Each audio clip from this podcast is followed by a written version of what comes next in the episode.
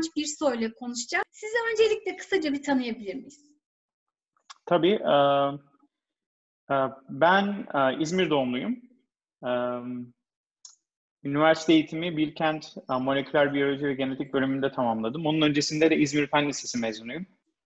Yani bu bilime olan isteğim, işte kariyerimin başlangıcı oralara dayanır.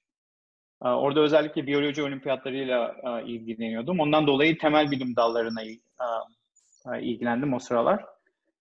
Hatta yani ailemde çok hekim var. Onların ana amaçlarından bir tanesi benim tıbba yönelmemdi. Fakat fen lisesinin bu yönde bayağı bir etkisi oldu benim üzerimde. O nedenle temel bilimleri tercih ettim. Bilkent Üniversitesi'nden sonra da e, doktora için Amerika'ya, New York'a geldim. E, Rockefeller Üniversitesi'nde doktoramı yaptım. E, orada da obezite ve yağ dokusu konusunda çalışmalar yaptım. Onun sonrasında MIT'ye gittim. Orada doktora sonrası çalışmalarımı tamamladım. Orada da metabolizmaya ilgimi devam ettirdim. Fakat burada daha çok kanser ile olan ilişkisinde çalışmaya başladık. Ee, yaklaşık 5 sene önce de e, Rockefeller Üniversitesi'ne geri döndüm bu sefer öğretim üyesi olarak. Ee, bu ama e, çalıştığımız konu kanserlerin besinlerle olan ilişkileri e, ve hangi tür besinlerin hangi tür kanserlere pozitif veya negatif olan etkilerini araştırıyoruz. 22 ee, kişilik bir grubum var Rockefeller Üniversitesi'nde. Bunlar tabii değişik ülkelerden, değişik yaşlarda pek çok insan. Ee, ve çalıştıkları konular da gene bu söylediğim konular üzerine. Yaklaşık grubumun yarısı e, kanserle ilgileniyor. Diğer yarısı da e, bu metabolik biyokimyasal e, yollarla ilgileniyor. Çünkü bu yolların sadece kanserle olan ilişkisi yok. E, ayrıca işte obezite, diyabet onun yanında da kalıtsal hastalıklarla olan ilişkileri de var. Yani genelde metabolizma ile ilgili çalışan bir grubuz. Fakat yaptığımız şeyler pek çok hastalıklarla da ilişkileniyor. Yaptığımız çalışmalardan biraz daha detaylı söz edebilir miyiz? Tabii. Dediğim gibi bizim ana konumuz metabolizma ve kanser ilişkisi. Bununla ilgili çalışmalarımız da özellikle 5-6 sene önce başladı. Ana sebeplerinden bir tanesi yaklaşık 10 sene önce bu kanserle metabolizma ile olan ilişkisi tabii bu belki onlarca sene hatta yüzlerce sene insanların ilişkilendirdiği şeyler, besinler ve onların hastalıklarla olan ilişkileri. Fakat daha moleküler düzeyde insanlar ilgilenmeye başladı. Benim grubum da bununla dediğim gibi yaklaşık 6 sene önce ilgilenmeye başladı. Ana yaptığımız şeylerden bir tanesi bu kanser hücrelerinin hangi tür besinlerle direkt olarak ilişkileri var. Şimdi örneğin mesela diyebilirsiniz işte şeker yemeyin veya yağ yemeyin. Fakat bu yağ veya şeker veya vitamin bu değişik besinlerin hangi tür kanserle ilişkilendirildiği tam olarak bilinmiyor. Örneğin düşünürseniz kanser çok heterojen bir hastalık. Yani kolon kanseri, akciğer kanseri hatta akciğer kanserinin kendi içerisinde, kolon kanserinin kendi içerisinde de pek çok değişik genetik mutasyonlar, dizi değişiklikleri var. Fakat bu değişik o türde olan heterojen kanserleri genelde yaklaşık bir tür şeyle tedavi ediyoruz. Her ne kadar ee, geçmiş senelerde artık daha e, hedefe dayalı tedaviler e, kullanılmaya başlanmışsa da e, özellikle besinlerin hangi tür kanserlerle ilişkilendirildiği tam olarak bilinmiyor. Örneğin akciğer kanseri oldunuz. Ne tür besinlere ihtiyacı var bu kanser türlerinin bilmiyoruz. Veya kolon kanseri oldunuz. Hangi tür besinlere yemelisiniz, yememelisiniz veya vücudunuzda değiştirmelisiniz? Bu konuda hiçbir fikrimiz yok. Yani grubumun ana temel e, e, amaçlarından bir tanesi bu. Yani bu kanser türlerini belli besinlerle ilişkilendirmek. E, ve bununla ilgili çalışmalara başladık. İşte belli şeyleri e, şu an yayınladık. Birkaç tanesi hatta klinik düzeyde de ilgileniyoruz. Ama genel amacımız bu yüzlerce değişik kanser türünün bu yüzlerce değişik besinlerle hangi tür ilişkileri olduğunu tam olarak saptayabilmek. E, kanser türleriyle de ilgileniyorsunuz, kolesterolle de ilgileniyorsunuz. İsterseniz önce kısaca kanser türleriyle ilgili yaptığınız başka böyle çok güzel çalışmalarınız var. Biraz ondan söz edelim. Tabii yani Kanserlerle e, yaptığımız çalışmalar iki yönde. Bir tanesi genel e, kanserlere e, ilişkilendirebildiğimiz besinleri araştırmak. Bu konuda en çok bilinen şeker. E, bunun ana sebeplerinden bir tanesi de e, kanserlerin pek çoğunun e, fazla derecede şekere ihtiyacı olduğu gösterilmiş. E, bunun en kolay e, belki de e, açıklaması da e, bu pek çok kanser türünün olduğu ortamların oksijensiz olması. Yani kanser dokusu normal dokuların tersine yeterli damar alamıyor. Bu yeterli damar alamadığı için çünkü kanserin bölünme hızı bizim normal dokularımızdan veya bu damarların onları beslemesinden çok çok daha hızlı. E, bu nedenle o hızlı büyüme sırasında yeterli besin alamadıkları için besin ve oksijen e, yani kandan kanın beslediği şeyler bizim hücrelerimizi bu nedenle bu kanserlerin pek çoğu oksijensiz ortamlarda ve oksijen olmayınca bir ortamda hücrenin yaptığı ana şeylerden bir tanesi şekere başvurmak. Çünkü normalde bizim mitokondriya dediğimiz bir organel var hücrenin içerisinde. O organel oksijeni kullanarak işte yağlardan veya başka besin türlerinden enerji sağlıyor hücreye. Fakat oksijen olmadığında bu organeli çok iyi kullanamıyor hücre. Bu nedenle başka bir tür metabolizmaya başvuruyor yani bakterilerin kullandığı bir metabolizma. Glikoliz diyoruz. Çok adı, ismi de önemli değil. Fakat bu metabolizma sebebiyle çok fazla şeker e, yemeye başlıyor. Hatta bunu e, klinikte de kullanılıyor aslında e, hekimler. E, PET e, dediğimiz bir e, e, görüntüleme yöntemi var. O görüntüleme yöntemi çok basit aslında. E, yaptıkları hastaya şeker enjekte etmek. Şeker sadece e, radyoaktif bir şeker. Ondan sonra da işte makinenin altına koyup işte nereye gittiğine bakmak şekerin. Ona baktığınızda şekerin ona gittiği yerlerden bir tanesi beyin. Çünkü beynimiz vücutta en çok şekeri kullanan organ. Fakat ikinci gittiği yerde tümörler varsa eğer vücudunuzda. E, bu nedenle bunu insanlar görüntüleme yöntemi olarak kullanıyorlar. Fakat düşünürseniz bu size o tümörlerin şekere de çok fazla tükettiğini gösteriyor. Fakat neden böyle olduğu konusunda hala yani bir tane sebebi oksijensiz ortam fakat başka sebepleri de olduğu düşünülüyor. Ve bununla ilgili pek çok çalışmalar oldu geçen senelerde. İşte şeker nasıl önlenebilir tümörünün alması veya bununla ilgili bir şeyler yapabilir miyiz? Diyet ne yazık ki çok iyi bir yöntem değil çünkü bilinenin aksine yani yediğiniz yemediğiniz kanı nasıl etkiliyor diye düşündüğünüzde aslında pek çok yediğimiz şeyin kanın o besinin miktarını kandaki çok değiştirmediğini biliyoruz. Ana sebebi yani vücudumuz o kadar iyi bir şekilde düzenleniyor ki bir şey yemediğinizde vücuttaki başka bir şeyi yıkıyorsunuz. Tekrar o kandaki o seviyeyi tutabiliyorsunuz. Hatta şeker bunlardan en önemlisi belki de.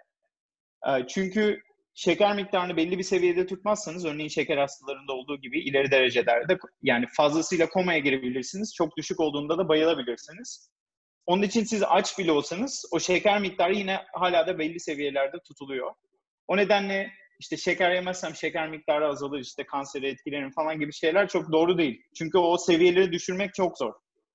Protein de aynı şekilde. Yani protein yemezseniz kaslarınız erimeye başlar. O kan o seviyeyi mutlaka tutmak zorunda.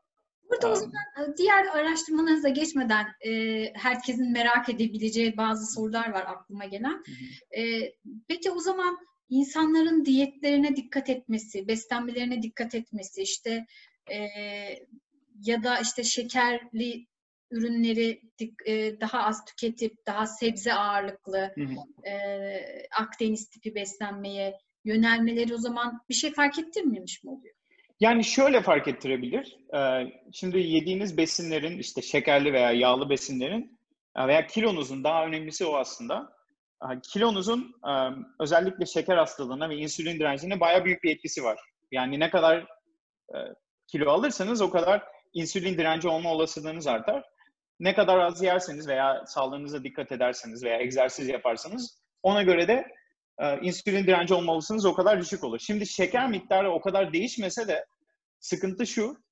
E, eğer insülin direnci olduğunda veya çok şekerli şeyler yediniz işte kilonuza dikkat etmediniz. Yine şeker miktarını çok o kadar değiştirmezsiniz. Fakat onu değiştirmemek için vücut insülin e, yapmaya başlıyor aşırı derecede. Şimdi siz şekeri yiyorsunuz, onu düşürmek istiyor vücut. Onun için insülin daha fazla salınıyor. Fakat insülin çok ilginç bir hormon. Sadece işte şekeri düşürmek için önemli değil hücrede. Yani örneğin şeker hastalarında falan işte şekeri arttığında insülin verince şekeri düşer. Bu tabii insülinin bir e, e, yaptığı fonksiyon. Fakat diğer fonksiyonu insülin, insülin bir büyüme hormonu. Yani bizim kanser hücrelerimizin kullandığı en önemli hormonlardan bir tanesi büyümek için. Hücre o hücreye gidip işte onun içindeki büyüme e, e, yollarını aktive ediyor insülin. Onun için örneğin siz e, şeker yediniz. Şekerin direkt olarak bir kanser etkisi yok fakat insülini arttırmasından dolayı indirekt olarak kanserin büyümesini e, arttırabilir.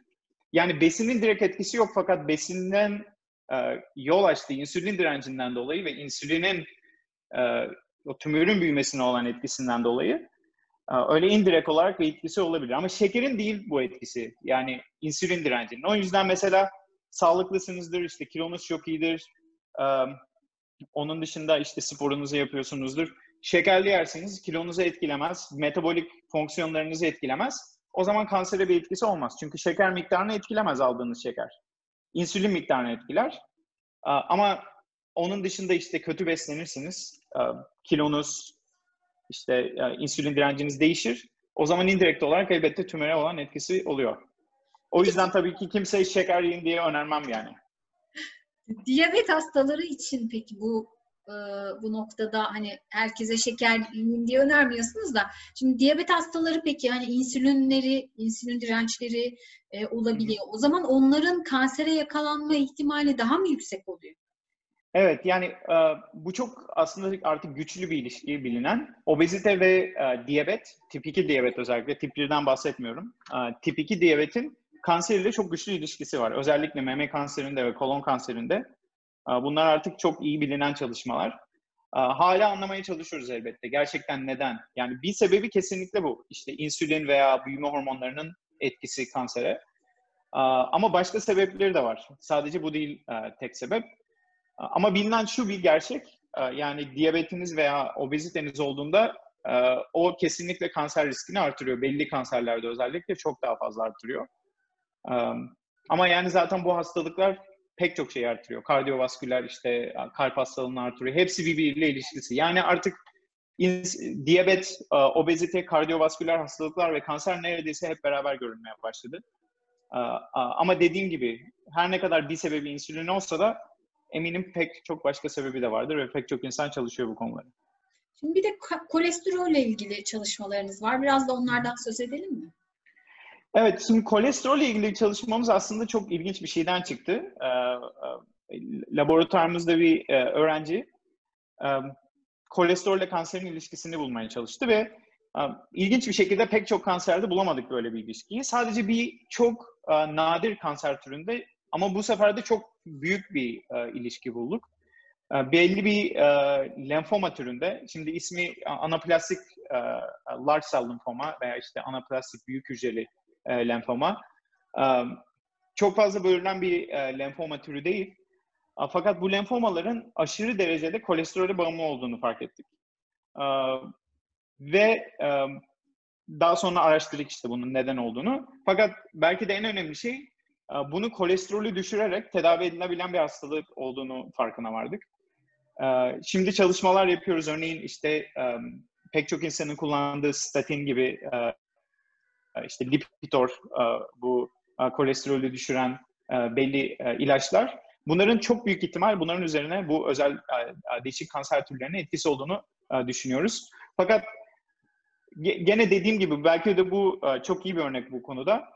Kolesterolün etkisi olduğunu düşündüğümüz sadece çok küçük bir e, kanser türünün farkına vardık. Yani şimdi e, örneğin bir yere çıkıp kolesterol yemeyin, şunu yapmayın, bunu yapmayın demek anlamsız. Çünkü pek çok kanser türüne de etkisi olmadığını bulduk. Bu nedenle zaten demek istediğim benim şu, um, kanserler o kadar heterojen hastalıklar ki e, bu bulduğumuz besinler veya besine yönelik e, tedaviler bunların her biri her bir kanser türü için eminim çok farklı olacak. Onun için genel birine mesela çıkıp işte şu vitamini alın, şunu yiyin, şunu azaltın. Bunların hiçbir anlamı yok. Çünkü dediğim gibi her kanser türünün e, besinlere olan isteği, e, besinlere olan e, bu bağımlılığı çok farklı. Bunu yani genellemek imkansız. Genelleyebileceğiniz tek şey belki de bu kanser ve besin arasındaki ilişkide tip 2 diyabet gibi olsun, metabolik hastalıklar, kilo. Bunların hepsinin negatif etkileri var. Onun için işte sağlıklı beslenmek, egzersiz yapmak her zaman pek çok şeye yardımcı. Fakat tek bir besin derseniz onun araştırılması lazım. Onu yapıyoruz biz. Ve gördüğümüzde gerçekten sadece belli küçük kanser türlerinin belli besinlere etkileri var. Ve bunun daha çok çok daha iyi araştırılması lazım. Yani çok çok daha yapılması gereken şey var önümüzde. Kolesterolün biraz metabolizmasından söz edebilir miyiz? Çünkü Türkiye'de çok fazla konuşuluyor ve e, kolesterol e, iyi kolesterol, kötü kolesterolün olmasının dışında bir de birdenbire çıkıp işte kolesterol ilacını herkes bıraksın, e, bunu dengelemenin hı hı. bir anlamı yok denebiliyor. Şimdi bunu biraz mekanizmasını hani insanların anlayacağı şekilde bir anlatsak da kolesterolün aslında insan metabolizmasında, insan vücudundaki metabolizmada hı hı. ne gibi bir görevi var ki e, bunun hı hı. dengede tutulması gerekiyor? Hı hı. Şöyle en başından anlatayım size kolesterolün ne olduğundan. Şimdi kolesterol bizim hücrelerimiz için, bütün hücrelerimiz için vücudumuzda çok gerekli bir besin türü. Ana yaptığı şey de en önemlisi hücrelerin zarlarının elastikliğini sağlıyor kolesterol. Yani hücre, eğer kolesterol olmazsa bir hücre hemen ölüyor. Bunun ana sebeplerinden bir tanesi o zarlar cam gibi oluyor. Herhangi bir bükülmede kırılıp öldürüyor hücreyi. Onun için bütün hücrelerimizin kolesterole ihtiyacı var. Bu nedenle vücudumuz da bunu işte düzenleyecek inanılmaz iyi mekanizmalara sahip. Bu da ana olarak karaciğer tarafından yönlendiriliyor. Karaciğerimiz işte sizin yediğiniz içtiğinize belli bağlı olmadan vücudumuzda ne kadar kolesterol olduğunu biliyor ve ona göre o kolesterol miktarını dengeliyor. Fakat şöyle bir sıkıntı var. Bazı insanlarda ki bunun ana sebepleri genetik olduğu düşünülüyor artık. Eskiden besin olduğu düşünülürdü. Şimdi birazcık daha azaldı bunun besin olmasına a, yönelik e, şey, e, ileri sürülen hipotezler. Genelde genetikle ilgili olduğu düşünülüyor bunların. Şöyle bir şey var. Her ne kadar o kolesterol miktarını karaciğer regüle etse de bazı insanlarda ki bu çok uh, büyük miktar insan grubu. Hatta Türkiye'de çok insanda var uh, kolesterol uh, hastalıkları. Bu kötü ve iyi kolesterol arasındaki denge o bozulabiliyor. Bir tanesi LDL denilen kolesterol. Bu işte kötü kolesterol olarak tabir ediliyor. Genelde insanda çoğu kolesterol bu LDL'nin içerisinde. Bir de HDL denen bir kolesterol var. O da iyi kolesterol diye tabir ediliyor. Daha kolesterol miktarı düşük. Bu HDL, LDL aslında bir partikül bunlar. Büyük proteinli partiküller. İçlerinde kolesterol var. Yani kolesterolün kendisi değil aslında bunlar. İçlerinde kolesterol var bunların. Ve vücudu karaciğer bunları yaparak işte e, dağıtıyor vücudumuza kolesterolü işte LDL, HDL her tarafa gidiyor. İşte kaslarımıza, yağ dokusuna, değişik organlarınıza. Bir tek beyine gitmiyor. Orada beyin bariyeri olduğundan dolayı beynimiz kolesterolünü kendi yapıyor. Diğer bütün hücreler e, karaciğerimizden alıyor genellikle. Fakat bu LDL, HDL'nin oranı çok önemli. Şundan dolayı önemli. Eğer LDL miktarı çok fazla artar ve HDL miktarı çok düşük olursa karaciğerde tıkanma işte arterioskleroz denilen şeylere yol açıyor. Sonunda kalp krizi gibi şeyler yol açıyor. Şimdi bunun dengesi çok önemli. Ve belli sebeplerden dolayı bazı insanlarda LDL'nin miktarı çok yüksek, HDL'nin miktarı çok düşük oluyor. Bunu tabii bir şekilde önlemek lazım. Arteriosklerozu önlemek için. Fakat bunun geçmiş yıllarda besinlerle ilgili olduğu düşünülüyordu. İşte yumurta yemeyin, şunu yemeyin, bunu yemeyin falan diye. Fakat son yapılan epidemiolojik çalışmalarda aslında bunun o kadar da çok önemli olmadığı ortaya çıktı. Yani yedilen besinlerin o kolesterol miktarını ve kolesterol dengesini o düşünüldüğü kadar etkilemediği ortaya çıktı. Fakat olan şey hala bilinen alanımızda bilinen şey karaciğerin yaptığı kolesterolü engellerseniz belli ilaçlarla bu LDL miktarını düşürebilirsiniz. Bunun ana ilaçlarından bir tanesi bu lipidor dediğimiz ilaçlar.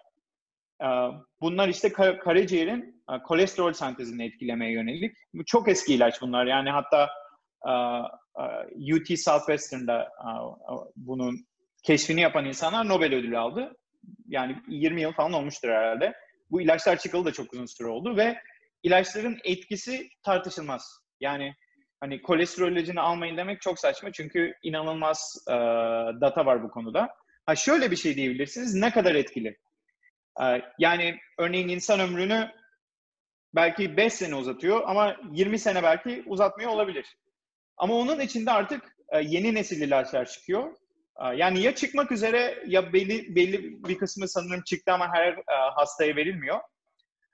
Başka tür reseptörleri insanlar hedefliyorlar.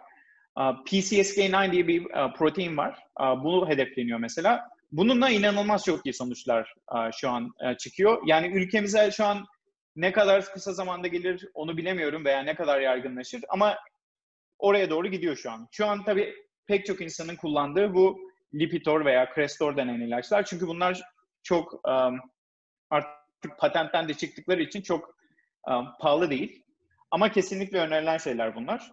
Ama diğer dediğim bu PCSK9 denen ilaç, onlar tabii biraz daha çok pahalı olacak. Önümüzdeki en azından 10 sene uh, uh, patentten çıkana kadar. Ama ondan sonra eminim bu Crestor Lipitor da onlarla değiştirilecek. Fakat kesin olan bir şey var. Bu kolesterol ilaçlarının kesinlikle pozitif etkileri var. Hala hatta dediğim gibi bazı kanser türlerinde ama her kanser türünde değil. Bunlara da pozitif etkileri var bu ilaçların eğer kolesterol miktarını düşürürseniz. Ama besin aynı şekilde değil. Noktayı soracağım. Hani biz hep yumurtadan söz ettik, diğer şekerden söz ettik ama peki yağın çeşidi kolesterolün artışına, azalışına etkili olur mu? Tereyağıydı, zeytinyağıydı çünkü o da çok tartışılıyor.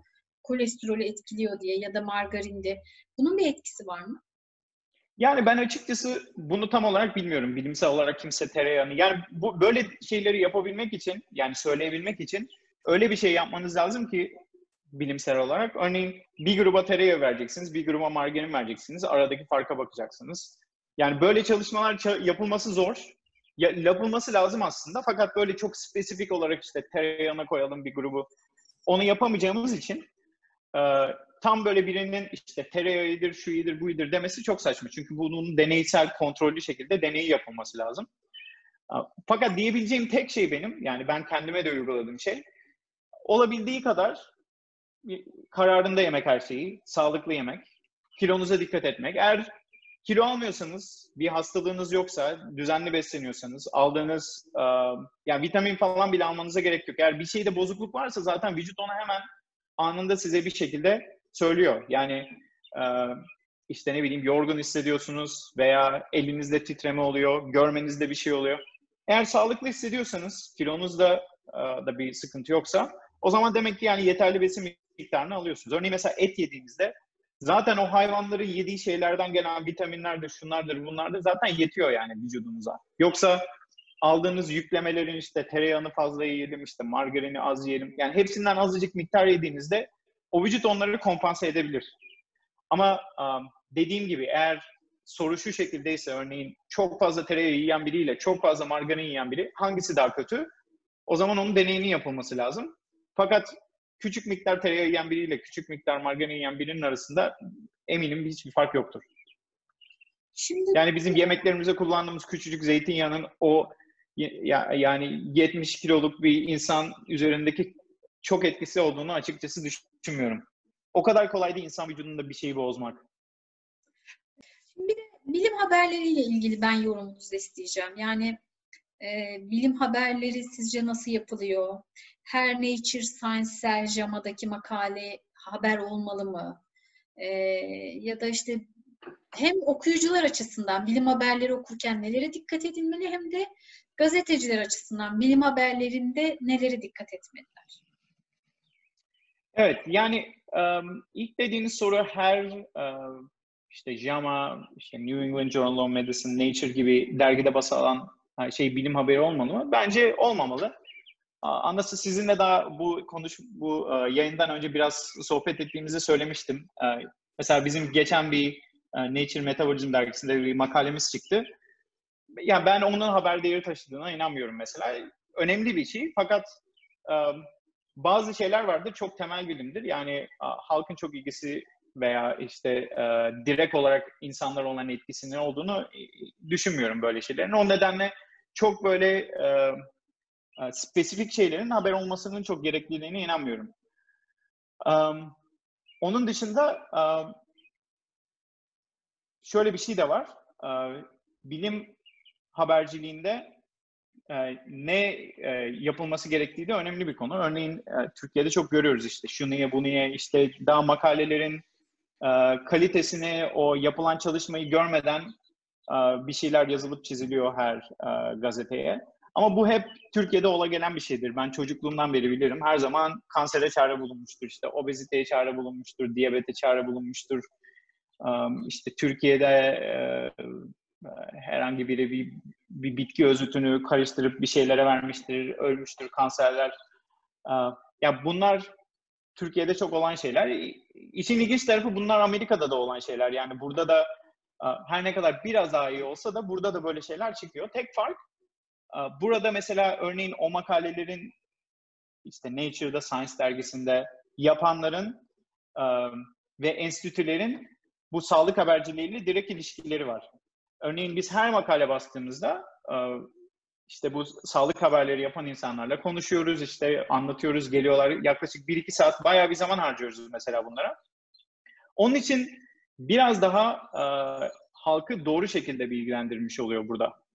E, elbette burada da mesela kansere potansiyel olarak çare bulunabilir falan gibi sözler söyleniyor. Fakat bir umut e, çok aşırı derece verilmiyor. Daha mantıklı, daha e, bunun seviyesi düzgün şekilde ayarlanıyor. E, o nedenle e, Türkiye'deki bilim haberciliği dediğim gibi işte birkaç kişi mesela siz varsanız benim bildiğim bir iki kişi daha var bildiğim mesela bu değişik gazetelerden insanlar. Fakat çok insan yok. Sağlık ve bilim haberciliği Türkiye'de gelişmiş bir şey değil. Bunun ana sebeplerinden bir tanesi de gündem çok farklı şeylerle meşgul olduğu için insanlar büyük ihtimalle çok ilgi göstermiyorlar böyle şeylere ya da ilgi göstermeleri için o haberi kansere çare bulundu diye şekilde lanse etmek gerekiyor. O, öyle yaptıklarında da aslında o haber değil magazin oluyor. Bunun ortasında da tabii gerçekten doğru bir şey yaptığınızda buna olan ilgi de ona göre çok fazla olmuyor. Bilim de aynı şekilde. Örneğin bilim haberciliği de yani hadi sağlık haberciliği birazcık daha insanların ilgisini çeker diye düşünürsünüz ama bilim haberciliği tahminim neredeyse çok çok az bir kitlenin ilgisini çekiyor Türkiye'de. Ama yani açıkçası burada da o şekilde yani bir magazin veya bir işte Amerikan futbolu haberiyle bir bilim haberini yan yana koyduğunuzda kaç kere tıklanmış diye baktığınızda 100 kat, 1000 kat fark var aralarında. Tek fark belki burada biraz daha rafine, biraz daha um, belli bir süzgeçten geçiyor olabilir bazı şeyler. Türkiye'de birazcık daha az, yeni yeni bence gelişmeye başlıyor. Bunun ana sebeplerinden biri bu haberi yapan insanların kimlerle konuşmayı konuşması gerektiğini bilmeleri gerekiyor. Bence ana sebep o. Yani herhangi bir yere gittiğinizde o insanın qualify, qualifiye olduğunu veya o meslekte gerçekten bilinen belli şeyler yapmış biri olup olmadığını bir habercinin anlaması çok o kadar kolay değil. Bunun için işte ne bileyim konferanslara gidip o insanların arasında karışmak falan gerekiyor. Bunu yapan çok insan yok Türkiye'de. Ana bence sebeplerden biri o. Yoksa yani bir telefon gelip biz kansere çare bulduk deyince gidip otobüse atlayıp orada işte hiçbir şey bilmediği bir konu hakkında duyduğunu yazmak o sağlık haberciliği değil. Biraz, biraz en azından um, bu konuda bilgi sahibi olmak gerek. Size de teşekkür ediyorum. Yani um, konuştuğunuz pek çok insan hem benim arkadaşım hem uh, bu çevrelerde tanıdığım insanlar. Yani doğru insanlarla konuşuyorsunuz hep. Umuyorum gelecekte birazcık daha böyle uh, bu işler daha doğru yerlere gider. Uh, daha doğru insanlar çıkar. Bu koronavirüs sırasında bence birazcık bu um, bunu yaşamış olduk. İnsanlar farkına vardılar. Gerçekten sıkıntı yaşadıklarında ya bu biraz da şeyi gösteriyor. Demek ki insanlar hakikaten magazinsel olarak bakıyorlarmış bu işlere. Gerçekten bir şeye ihtiyaçları olduğunda doğru insanlara gitmeyi onlar da farkındalar ve biliyorlar. Bana biraz bu aslında çok güven verdi. Yani gelecek açısından en azından. O kadar da bilimsellikten uzak değilmişiz. O kadar da yani insanlar öyle safsatalarla uğraşmıyorlarmış. Yani zamanı olduğunda ger- gerçekten e, bir şeye ihtiyaçları olduğunda doğru insan zaten ortada çıkıveriyor.